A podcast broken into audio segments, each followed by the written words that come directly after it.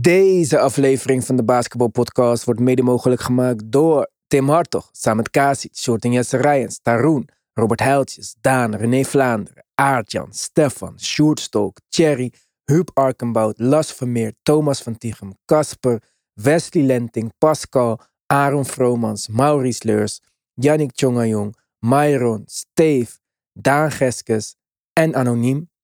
Shout-out naar onze nieuwe VIP-supporter, Daan Geskes. Welkom bij de DBP Family. Ook een shout-out naar Lucas en een hartelijk welkom bij de DBP Family. Allebei zitten ook al in de DBP groupchat, onze groepschat exclusief voor Petje afleden. Shout-out naar Simon Mouthaan, bedankt voor je eenmalige donatie. En wil jij ook helpen om DBP in de lucht te houden en te bouwen aan onze community? Ga dan naar de basketbalpodcast.nl en kies luister op Petje af. Daar kun je een donatie maken, zoveel als je wilt. Als je extra podcast wilt of je wilt meechatten, dan kun je een abonnement nemen van 6, 9 of 12 euro. En daar steun je ons ook enorm mee. En wist jij trouwens al dat je de Petje Af aflevering ook gewoon kunt toevoegen aan jouw Spotify player? Ga naar de basketbalpodcast.nl en kies luister op Petje Af. Alle support wordt gewaardeerd.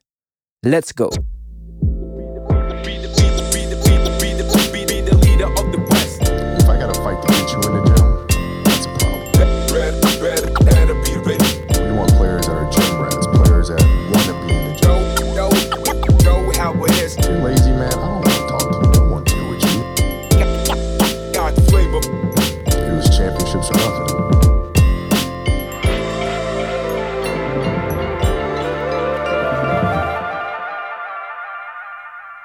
Ik was helemaal voorbereid om hier een ode te brengen aan het Grizzlies seizoen. Ik had al een paar mooie zinnen in mijn hoofd. Het was toch gewoon een mooi seizoen. Niet alleen voor de diehard Grizzlies fan, maar ook voor de neutrale fan. Ik had er in ieder geval een nieuw League Pass team bij. Ja Morant heeft mij mijn mening doen bijstellen en zomaar uit het niets was er een nieuw team in de Western Conference om rekening mee te houden. Een jong team, een teamteam waar ze echt voor elkaar spelen. Met bijna als motto de quote van het jaar misschien wel: We ain't ducking no smoke. We run up the chimney. Ze waren voor niemand bang, zelfs niet voor de Dynasty Warriors. Maar ja, 3-1 en dan zonder Jamorant, dat kan toch niet in de playoffs? Ze waren in het regular season 20-5 zonder. Maar dit is niet het regular season. Dit zijn de playoffs. Dat is een hele andere koek, toch? Ik had in mijn hoofd al afscheid genomen. Ik dacht zelfs, ik ga die wedstrijd niet eens kijken als het mooi weer is. En misschien toevallig, of misschien moest het zo zijn, was het in Alkmaar vanmorgen even bewolkt. En heb ik de wedstrijd toch maar aangezet. En jeetje mina, wat zag ik daar. Een half arrogant, lui Warriors team waar Andrew Wiggins nog de meest gemotiveerde speler was. En aan de andere kant een Chris team die zelfs zonder Ja de turbojet motors op volle kracht hadden staan. Tegen het einde van het derde kwart was het al 55 punten verschil. In het voordeel van Memphis. Nu staat het 3-2 en is het toch weer een beetje een serie.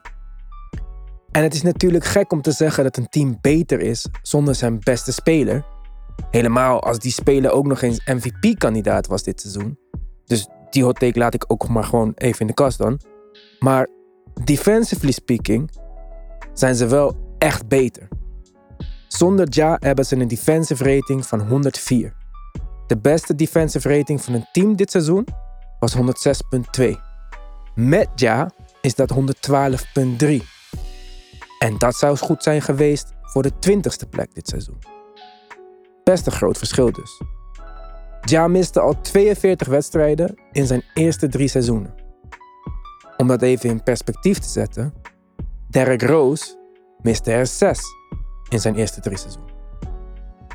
Dan begin ik me toch stiekem af te vragen of Memphis niet beter af zou zijn als ze hem zouden treden.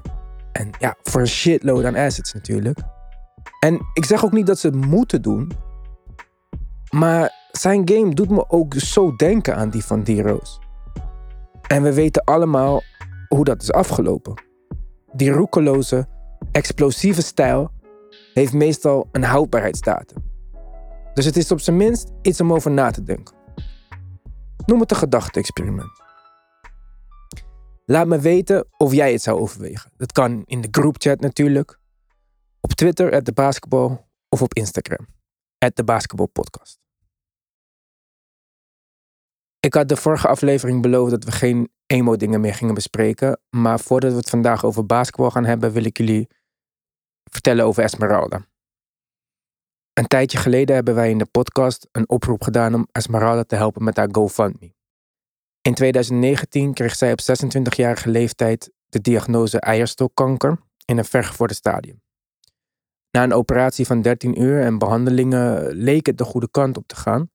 Haar lichaam herstelde langzaam, ze kon haar studie en werk weer oppakken en wilde ook vooral weer gaan leven in plaats van overleven. Helaas kreeg zij vorig jaar maart te horen dat de kanker was teruggekomen. Dit jaar konden de artsen haar geen behandelingen meer aanbieden die haar zouden genezen. Ze heeft nog een holistisch behandeltraject gevolgd, waarbij ze zowel behandeld werd door artsen uit het ziekenhuis als door behandelaars voor natuurlijke behandelingen.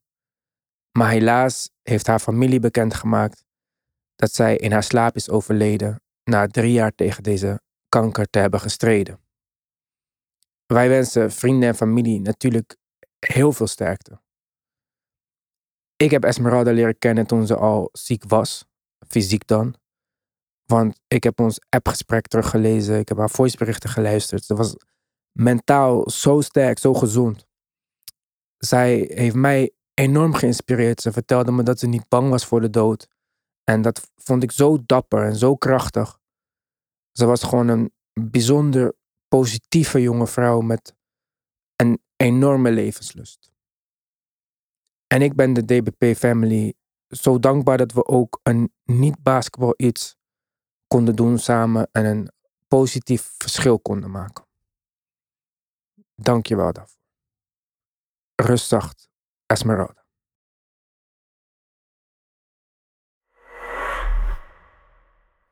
Ja, een overgang kan je niet echt maken van dat onderwerp naar basketbal.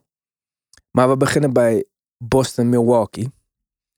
De serie die zo langzamerhand toch wel ja, de spannendste begint te worden.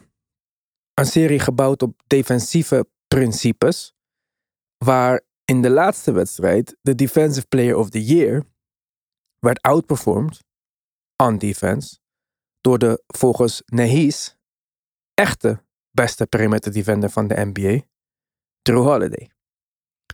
Met een fantastisch blok en een slimme save, een steal op het laatst mogelijke schot, was Holiday ja, wel heel erg aanwezig in clutch time. Tel daar nog eens 24 punten, 8 assists en 8 rebounds bij op. En mijn voorspelling dat dit niet de Drew Holiday serie zou worden, is niet echt meer uh, valide, hè Mark? nee, dat, uh, na deze wedstrijd sowieso niet, denk ik. Boston uh, leek dominant. Uitgelopen tot 11 punten, volgens mij was dat hun grootste voorsprong. Jalen Ja. Brown had een fantastisch derde kwart met 16 punten. En ik dacht eigenlijk, ja, Boston heeft deze wel. Dat dacht ik ook eerlijk gezegd. En ehm, voor de een of andere reden, voor de eerste keer in dit serie, pasten ze eigenlijk aan van hun eigen stijl. Natuurlijk, de eerste wedstrijd waren ze een beetje rattled door de fysieke speelstijl van de Bucks. Maar in de laatste paar wedstrijden waren, was alles close. En zij waren de, eigenlijk de team die van achter kwam. Dus de derde wedstrijd, vierde wedstrijd, waren zij achter in een derde kwart. Kwamen ze terug in de vierde kwart. Zelfs in de vierde wedstrijd hebben ze, hebben ze dik gewonnen uiteindelijk in de vierde kwart. En wat grappig was, voor de eerste keer, ze ging langzamer spelen. Ze gingen niet gelijk in hun spel. En ik denk, je, je verliest soort van je ritme in die zin. Waardoor je ineens fout gaat maken. Niemand staat in ritme. En je zag het gelijk. De laatste, ze hadden geen drie punters genomen. Terwijl ze, met, terwijl ze deze serie al heel veel hebben genomen. Misschien de meeste drie punters nemen zij in vergelijking met de Bucks. Mhm. Want de Bucks laten mensen drie punten nemen. En voor mijn gevoel, daardoor hebben ze het wedstrijd verloren. Ze hebben het eigenlijk weggegooid. En de Bucks hebben het ook gewonnen. Je kan het gewoon noemen, hun twee beste spelers waren op hun piek. Ja. En eh, dat was het verschil. Kijk, jij zegt de Bucks laten mensen drie punters nemen. De Bucks kiezen ervoor om de paint te beschermen, om het midrange schot weg te nemen. En om dat drie punt schot dan een soort van toe te laten. En daar zie je dan voor mij ook gelijk een beetje wat Boston soms kan missen. Kijk, Jason Tatum had een fantastische turnaround J met veel contact en zo. En hij, hij kan zeker zijn punten maken vanuit de midrange. Maar over het algemeen is Boston voor mij een team met een verzameling van ja, gemiddelde offensive players. Deze wedstrijd was Jalen Brown heel goed in het derde kwart. Vorige wedstrijd was Al Horford heel goed. En ja, het zijn NBA-spelers. Elke NBA-speler kan een uitschieter hebben. Maar echt consistently produceren, offensively. Ja, ik zou alleen Jason Tatum in een hogere categorie dan gemiddeld zetten. En daarbovenop komt dan dat zij het voornamelijk van hun teamspel moeten hebben. En dat deden ze heel goed in de tweede helft van het regular season natuurlijk. We hebben dit al meerdere malen ehm, herhaald, dus ik zal het niet nog een keer doen. Maar in deze wedstrijd werd voor mij wel een beetje ja, duidelijk dat ze toch iemand van een playmaker missen. Het feit dat Marcus Smart de bal in zijn handen heeft op dat schot naar de ring toe, waardoor hij wordt geblokt door Drew Holiday. En dat hij hem weer in zijn handen heeft voor het laatste schot. En de bal wordt gestolen door Drew Holiday. Dat is gewoon niet oké.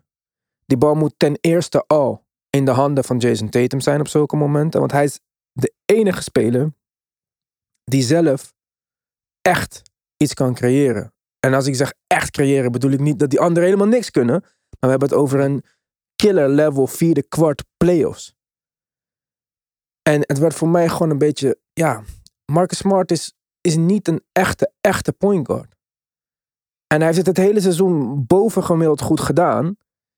En verdedigend natuurlijk, hij is defensive player of the year. En als hij aanvallend net zo goed zou zijn als verdedigend, dan was hij niet defensive player of the year, dan was hij MVP.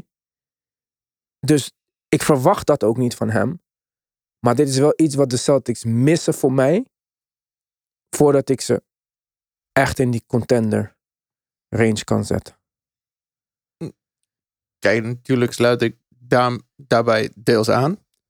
Maar voor de eerste schot die geblokt werd en waar die fantastische defensive play werd gemaakt, dus dat hij zelfs gewoon die bal kon teruggooien op Smart. Mhm. De bal, ze zeiden in de press conferences daarna, de bedoeling was dat het naar Tatum zou komen, maar ja, ze waren al op 4 seconden. En ze hebben de bal uiteindelijk bij Marcus Smart gekregen op 4,3 seconden. Mhm. Misschien was het snel, ze konden wel misschien een beetje wachten. Ja. Net zoals de Bucks deden voor de volgende play. Mhm. Maar uiteindelijk, het kwam niet uit. En in principe, als Drew Holiday die bijzondere play niet maakte, van in principe zelfs als het uitging, normaal gesproken was het gewoon uit. En dan de Celtics hadden weer tijd om iets te doen. Ja. Maar die play was bijzonder. Noem eens een keer, noem eens de laatste keer dat je zo'n play zag. In zo'n beslissende moment. Met zoveel druk op je. Ik kan, ja, je zou gewoon zeggen die LeBron, Le- LeBron blok, toch? ja, jij bent hier de basketbal-encyclopedie, niet ik. Dus, eh, ik Maar eh, ja, noem eens een keer. Ja, dat het zo'n belangrijk verdedigende moment was. Ja, ik weet het ook niet, Mark. Maar ik vond het wel gewoon een beetje ja, steeds meer duidelijk worden dat Jason Tatum dit soort momenten echt ja, moet opeisen. Nou je zegt, de bedoeling was dat de bal naar Tatum ging. Mhm. Maar Tatum heeft ook het merendeel van zijn punten in de eerste drie kwarten gescoord, zeg maar. Ja. In het vierde Ja. kwart, waar nogmaals hij, naar mijn mening, de enige persoon is die echt aanvallend beter is, echt ver boven gemiddeld, Ja. heeft hij weinig laten zien. En of dat nou door de goede defense van de Bucks is, of dat nou toeval is, of dat de volgende wedstrijd weer anders is, dat, moeten we zien allemaal. Maar ik dacht gewoon van ja, hoe anders was het geweest als het, ja, eh, gekke vergelijking, Jason Kidd was geweest die die bal als laatste had gehad en mocht opdribbelen. Want die had die paas naar een open Tatum waarschijnlijk al gemaakt. Want Tatum stond wagenwijd open aan de andere kant van het veld. Ja, natuurlijk, die kan ik niet verdedigen. Want hij ging niet eens naar boven kijken. Tatum was vrij. Ehm, wat ik wel wil zeggen, waarom ging Tatum niet de bal voor zichzelf pakken? Ook vind Ik de ik vind speler. dat Dat, ook. Ik dat vind vond ik dat de eigenlijk moet- meer raar. Ja, vind ik ook. Ik vind ook dat hij gewoon de bal moet krijgen, sowieso. Ja, Eh, hij moet hem gewoon ophalen en hij moet hem opdribbelen en hij moet het laatste schot nemen. Dit is eigenlijk ja, wat je van een sterspeler wilt zien. Maar toch, ja, ik, ik begin eh, mijn twijfels te krijgen. Ik dacht, ik dacht dat Boston echt zeg maar nog wel een level had hierna. En misschien Mhm. denk ik dat voor nu, op dit moment, dit wel een beetje hun piek is. Natuurlijk is Robert Williams geblesseerd en is Ja. dat gewoon een starter. Maar ik vind dat Al Horford defensively ja, eigenlijk alles goed heeft gedaan wat hij kon doen eh, deze serie. Mm, Vond je niet? kunnen we dat... oh, kijk, de serie wel. Maar bijvoorbeeld, Jonas had zijn eerste drie, vier schoten gemist in Mhm. de wedstrijd. Maar daarna was hij 16 uit 23. Ja, oké. Dus eh, de, het feit dat je dan... Je hebt geen Robert Williams om even de interior... Oké. Maar je, dat, dat maakt verschil. ja, maar je hebt ook geen Chris Middleton die dan anders ook weer verdedigd zou moeten worden. Oh, iemand. natuurlijk. Dus kijk, Dat, als, maar dat als, is een ander verhaal, toch? Ja, snap ik. Maar ik bedoel gewoon maar te zeggen van... Na omstandigheden hebben ze er het meeste uitgehaald. En Robert Williams maakt ook niet aanvallend direct het verschil. Misschien had hij verdedigend een verschil kunnen maken. Maar dan had Chris Middleton ook weer aanvallend een verschil. Als, als, als, als, als. Maar Mhm. zoals ik het dan nu zie... Ja, het is gewoon... Boston mist gewoon dat.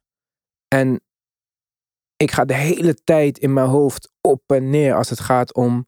Moeten we een van de twee treden? Tenminste aan het begin van het seizoen dacht ik... Hè, of Jason Tatum of Jalen Brown. Nou, Mhm. ik ben ervan overtuigd dat je Mhm. Jason Tatum niet moet treden. Maar dan denk ik van ja, wat als je Jalen Brown toch kon treden misschien voor een meer playmaking speler? Wat voor verschil zou dat dan maken? Heb je al een idee daarover? Want eh, ja, ik ben nog steeds er niet echt mee eens. Want ze zijn nog steeds onder de 25 bij de spelers. Dus Ja, maar denk je dat de- Jalen Brown dat kan toevoegen aan zijn game? Ik zeg niet dat hij weg moet. Hè. Ik zeg absoluut niet. In, Ja, het, in het beste geval wil ik dat er gewoon iemand bij komt. Niet dat er iemand weggaat. kijk, hij, in deze wedstrijd had hij nog steeds zes assists en alleen twee turnovers. Is hij de beste playmaker? En zal hij ooit de beste playmaker zijn? Sowieso niet. Maar nogmaals, de hele NBA draait om wings.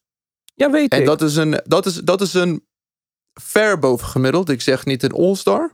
Ver boven gemiddeld speler. En ze betalen hem alleen maar 25 miljoen. Klopt, allemaal. En daarom zeg ik Ja. ook van, in de ideale situatie wil ik dat ze allebei blijven dan. Maar Ja.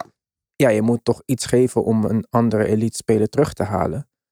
En ja, ik weet niet. Ik zat gewoon te kijken. Ik dacht, ze missen iets. En dan, ik hou van die mock trades. Dus in mijn hoofd ga ik Mhm. gelijk denken van, wat zouden ze kunnen doen om dat te fixen?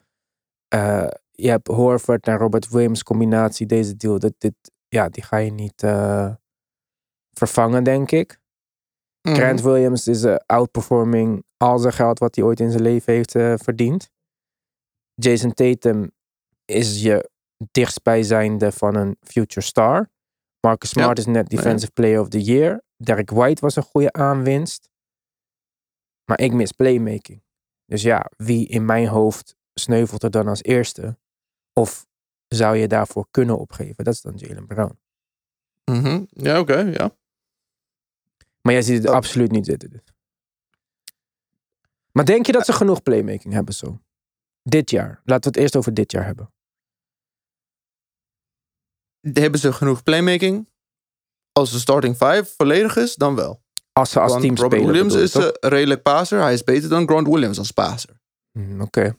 Ja, dus als team, maar natuurlijk, ze moeten echt als team zijn de hele tijd. Dat is de enige issue met deze. Oké. Oké, nou eh, laten we het eh, dan over aan eh, onze luisteraars. Ja, Laat, eh, laat ons weten wat jij ervan vindt. En eh, nogmaals, ik wil Jalen Brown niet treden. Dus Boston fans, alsjeblieft door rustig gaan. Maar eh, laat ons weten wat je ervan vindt. Het kan natuurlijk Mhm. op Instagram, at de. Op Twitter, at de basketbal. Of in onze groupchat. En Ja. voordat we verder gaan met de rest van de wedstrijden. En de rest van de playoffs. Hebben wij de stat van de week. Die wordt deze week gepresenteerd door de hoogste donateur. En zijn naam is Simon Mouthaan. Mark, vertel. Giannis Antetokounmpo is de eerste speler sinds 1963 die gemiddeld 30 punten, 10 rebounds en 5 assists heeft binnen de eerste 10 playoff wedstrijden. Kun je gokken wie de laatste speler was? 30, Ja. 5 en wat was het? 30 wat? 30, 10 en 5. 30 punten, 10 rebounds en 5 assists per wedstrijd. Wie de speler daarvoor was? Ja, de laatste en dat was 1963. Dus Oh, dan ben ik oud. Dan heb ik geen idee. oké. De laatste speler die het deed was ook een Milwaukee Buck, Oscar Robertson. Natuurlijk. Oscar Ja. Robertson heeft weer een eh, record eh, op zijn naam staan. ik dacht het is een mooie sowieso, want ik ben niet een fan van eh, Oscar Robertson. Maar ik vond het wel een hele mooie. Via de, via de deer. Ja, via de deer. Nou ja, over Oscar Robertson gesproken. Eh, de NBA heeft nieuwe awards bedacht. Waar we misschien allemaal ondertussen een beetje de awards zat zijn. En waar ze ook steeds meer van hun glorie verliezen. Denkt de NBA van, weet je wat? Wij doen er nog gewoon een, eh, een paar bij. Eh, de twee nieuwe zijn de Eastern en Western Conference Finals MVP. Eh, respectievelijk de Magic Johnson en Larry Bird Trophy. Ja, Mark, ik vind dit onzin. Zware onzin. De Western Conference Championship Trophy is dus gerenamed naar Oscar Robertson. En die in de Eastern Conference naar Bob Cousy. Maar die nieuwe trofee, die Finals, Conference Finals MVP. Dus we hebben in dezelfde week ongeveer, krijg je, dezelfde twee weken, krijg je de regular season MVP uitgereikt. Dan krijg je de Conference Finals MVP uitgereikt. En dan twee weken later weer krijg je de Finals MVP uitgereikt. Ja, is het niet een beetje. Ik snap het niet. Ja, de regular season awards moeten sowieso niet erbij zijn. Ja, maar Dat die, ik gewoon belachelijk. dus dan moeten we die voortaan doen voordat de playoffs beginnen, bedoel jij? Ja, natuurlijk. Hey, kijk, iedereen dient zijn ballots in de dag na de seizoen. En we hebben dan drie dagen voordat de play-in begint. Ze kunnen sowieso die 200 of 400 votes tellen. Maak me geen zorg daarover. Daar, if there's a will, there's a way. En is klaar. En dan heb je die tijd.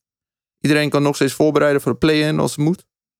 Want ik vind het gewoon irritant. Want mensen nu klagen over Nikola Jokic MVP. Omdat hij niet in de playoffs is. Hoe kan hij MVP niet... Het is een regular season award. Eh, kap nou met allemaal van die dingen. Dus dat vind ik gewoon irritant. En je, Ja. verliest, je verliest het hele mening van de regular season. Want wat is gebeurd in de regular season? We zijn in de playoffs. Ik, ik wil niks over de regular season horen nu. Wanneer was de laatste keer dat we een step, stat hebben gezegd over de regular season sinds de playoffs zijn begonnen? Nou, ik net in de intro, maar. Ja, je snapt wat ik bedoel. Ik snap wat je bedoelt. Kijk, ik eh, ben al niet echt van de redesigns. Deze Mhm. trofee eh, bestond al heel lang zo natuurlijk. We kennen alle foto's van Michael Jordan tot aan Kobe Bryant. Het is al 40 jaar dezelfde prijs. Dus die Mhm. gaan ze nu ten eerste al aanpassen. De echte championship trofee. Ja. Dat vind ik al niet bijzonder noodzakelijk. En dan weer, ja, de bal is iets naar voren gehaald. Zo is hij aan de rand van het net. En dat voorwaarts halen van de bal symboliseert dat de league vooruit kijkt naar de toekomst. Ja, kom op, weet je wel. Waarom moet je het allemaal zo spinnen? En je hebt nu dus die zilveren accenten in de bal en in de trofee zelf. Voor het eerst zie ik, of wist ik, dat dit een net is. Dat wist ik dus niet. en, eh, ja, toch? Ik wist het echt niet. En eh, aan de onderkant zijn dan twee discs. En op de bovenste disc eh, komen alle 75 NBA champions te staan. En op de tweede disc komen de komende kampioenen te staan. Ja, nou ja, voor mij had het gewoon hetzelfde mogen blijven. Ik eh, ben normaal niet zo autistisch op dat gebied, maar eh, ik zie geen, enkele, geen enkel nut van dit. Het is ook niet alsof je hier merchandise van gaat verkopen of zo, dus ik snap niet eens wat het voordeel is. Ja, het enige ding dat ik kan zien is... Natuurlijk, ze hebben ooit ook conference championships toegevoegd dan division, division banners. Mhm. En het is- het is iets om gewoon wat meer reacties te krijgen en wat meer de news cycle. I mean, je moet denken, Sacramento heeft ook eh, heeft division banners in de, in de stadion hangen. Hè? Wow. Dus En wat denken nu allemaal over Sacramento dat ze champions zijn? nee, precies. Ja, maar dat, dus dat maakt er niks Ze- uit dan.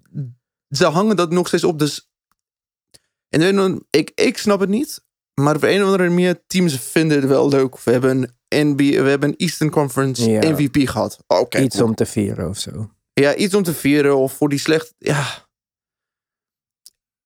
Het is wel leuk na 75 jaar, maar wat het was, was perfect. De beste van de beste krijgt de MVP. De beste team krijgt de trofee. Ja, vond ik. Nu hebben we. Het, het is allemaal van die verwatering. Van de verwatering. Weet je, die awards for participation nu. Ja, vind ik ook hoor. Maar goed, Ja, het is wat het dus- is. Wij uh, we kunnen er nog langer over zeren, maar laten we het positief afsluiten. Ja. We hebben tot nu toe uh, best interessante playoffs, denk ik. Uh, James Harden, ik zei het al in uh, onze patch af aflevering van gisteren. Ik zet hem op de cover en de volgende wedstrijd stelt hij weer teleur. Nou, vanavond speelt hij weer.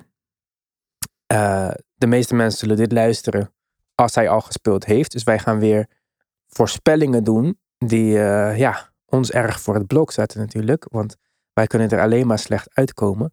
Maar vanavond de Heat uit bij de Sixers. Mark, wat denk jij?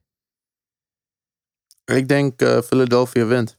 Jij denkt Philadelphia wint, de serie wordt 3-3 en we gaan voor een game 7 in Miami? Yes. Ik hoop het ook, maar ik ga voor 4-2. Ik denk okay. gewoon, als ik naar de laatste wedstrijd keek, en je kan zeggen het kwam doordat Embiid te veel zat met de MVP award of iets dergelijks, maar ik denk gewoon dat het er even niet meer in zit. Ik denk niet dat Harden goede wedstrijd, slechte wedstrijd, goede wedstrijd doet. Ik denk gewoon dat een slechte wedstrijd wordt opgevolgd door nog een slechte wedstrijd. Ik denk dat Miami mm-hmm. het af wil maken. En ik denk dat deze serie vanavond voorbij is. Dus tegen de tijd dat je dit hoort, kan ik alweer helemaal van schut staan. Maar dat, uh, dat is allemaal oké. Okay. Suns, Mavs, ook in Dallas. Gaat Phoenix het aan de road afmaken? Of gaan ze voor een zevende wedstrijd in Phoenix? Ja, ik zeg weer hetzelfde. Want dat is, als je volgt, de thuisteams winnen thuis. In deze twee wedstrijden. Dus uh, ik ga voor Dallas dan weer. Oké, okay. ook daar denk ik dat de Suns vanavond gaan winnen. maar laat me ook even duidelijk maken dat ik natuurlijk wil dat het seven game series worden. Ik ja, wil dat... Ook voor Tim. Ook voor Tim wil ik dat het zeven wedstrijden wordt. Ook sowieso. En uh, dan kan hij misschien nog op tijd terug zijn om hier wat nuttigs over te zeggen. Want volgens mij zit hij zich ook thuis op te vreten met alle wanvertrouwen wat wij hebben in, uh, in zijn uh, favoriete club. Maar uh, ik hoop sowieso seven games. Allemaal, alle series. Ook Boston Celtics. Boston Celtics. Ook Boston Milwaukee. Ik wil dat alle seven games wordt. Maar we gaan het zien. Ik wil jullie voor nu bedanken voor het luisteren. Wij gaan natuurlijk verder op Patje Af. Waar we tegenwoordig, ik weet niet hoeveel keer per week een podcast doen. Maar vandaag ook weer.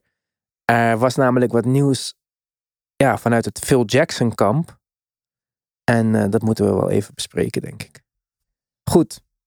Jullie horen maandag weer van ons. En anders, ja. tot zo op Petje Af.